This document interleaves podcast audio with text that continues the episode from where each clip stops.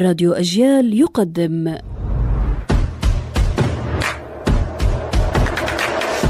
أصل الكلام عارف حجاوي من الأشياء ما يطبخونه مرتين لسبب كيميائي أجهله.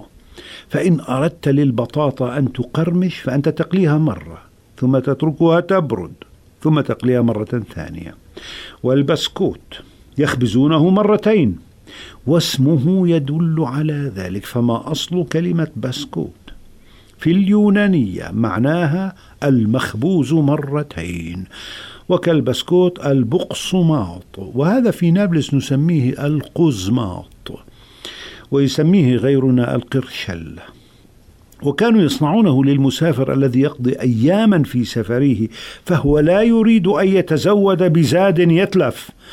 يخبزون العجين مرتين فلا يبقى فيه ماء إلا أقل القليل فيدوم مدة طويلة. والتجفيف من أهم طرق حفظ الطعام لفترة طويلة. مثلا نجفف حبات الحمص الطرية الخضراء فتصبح قاسية ليس فيها ماء ويتغير لونها يصبح أقرب إلى البيج فتدوم أشهرا لا تتلف. والحمص هذه كلمة مزعجة بالعربية. يقولون في الفصحى هي حمص أو حمص. سوى ذلك خطأ. ونحن نصر على أن نقول حمص.